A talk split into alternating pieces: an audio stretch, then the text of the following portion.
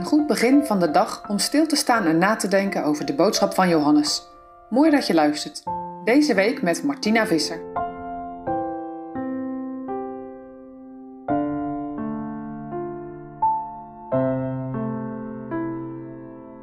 Nieuwsgierige discipel.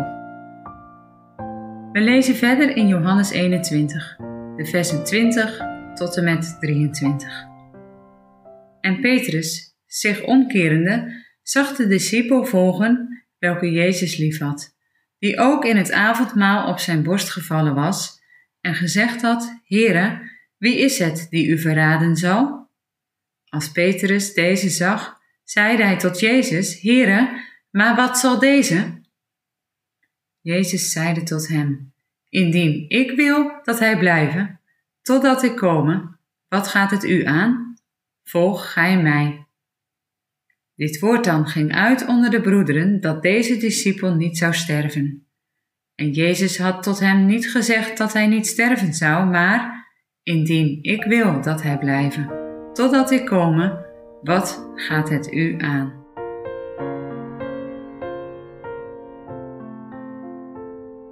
Bemoei je er niet mee. Het gaat jou niets aan. Een opmerking die je misschien ook wel eens maakt tegen je broertje of zusje dat tijdens de maaltijd iets over jou vertelt wat je liever niet wilt horen, of je klasgenoot die een opmerking maakt over je cijfer. En je hebt er zelf vast nog wel meer voorbeelden bij. In het gedeelte van vandaag wordt een soortgelijke opmerking gemaakt door Jezus zelf.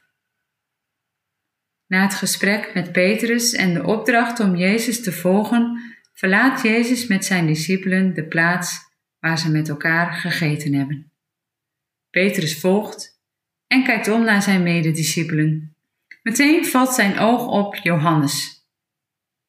Johannes noemt zichzelf niet bij naam, maar hij omschrijft het zo dat duidelijk is over welke discipel het gaat. Hij was het die op aandringen van Petrus aan de Heere had gevraagd wie de verrader zou zijn. Hij is het ook die tijdens het schrijven van dit evangelie de misvatting van dit gedeelte rechtzet. Hij wijst op het belangrijke zinsdeel: indien ik wil. Dat had Jezus gezegd, zodat men toch niet zou denken dat Johannes nooit is gestorven. Zodra Petrus Johannes in het oog krijgt, stelt hij Jezus de vraag over Johannes. Wat gaat er met hem gebeuren, heren? In het hart van Petrus kunnen veel verschillende redenen geweest zijn om deze vraag te stellen. Maar uit het antwoord van Jezus blijkt dat er toch iets verkeerds in deze vraag zit. Stel je voor, Petrus, dat ik wil dat Johannes nooit zou sterven. Wat gaat dat u aan? Ik heb u verteld hoe u moet sterven. Het is voor u voldoende om dat te weten. Volg gij mij. Hoor je het verschil met de opdracht uit vers 19, waar we gisteren bij stilstonden?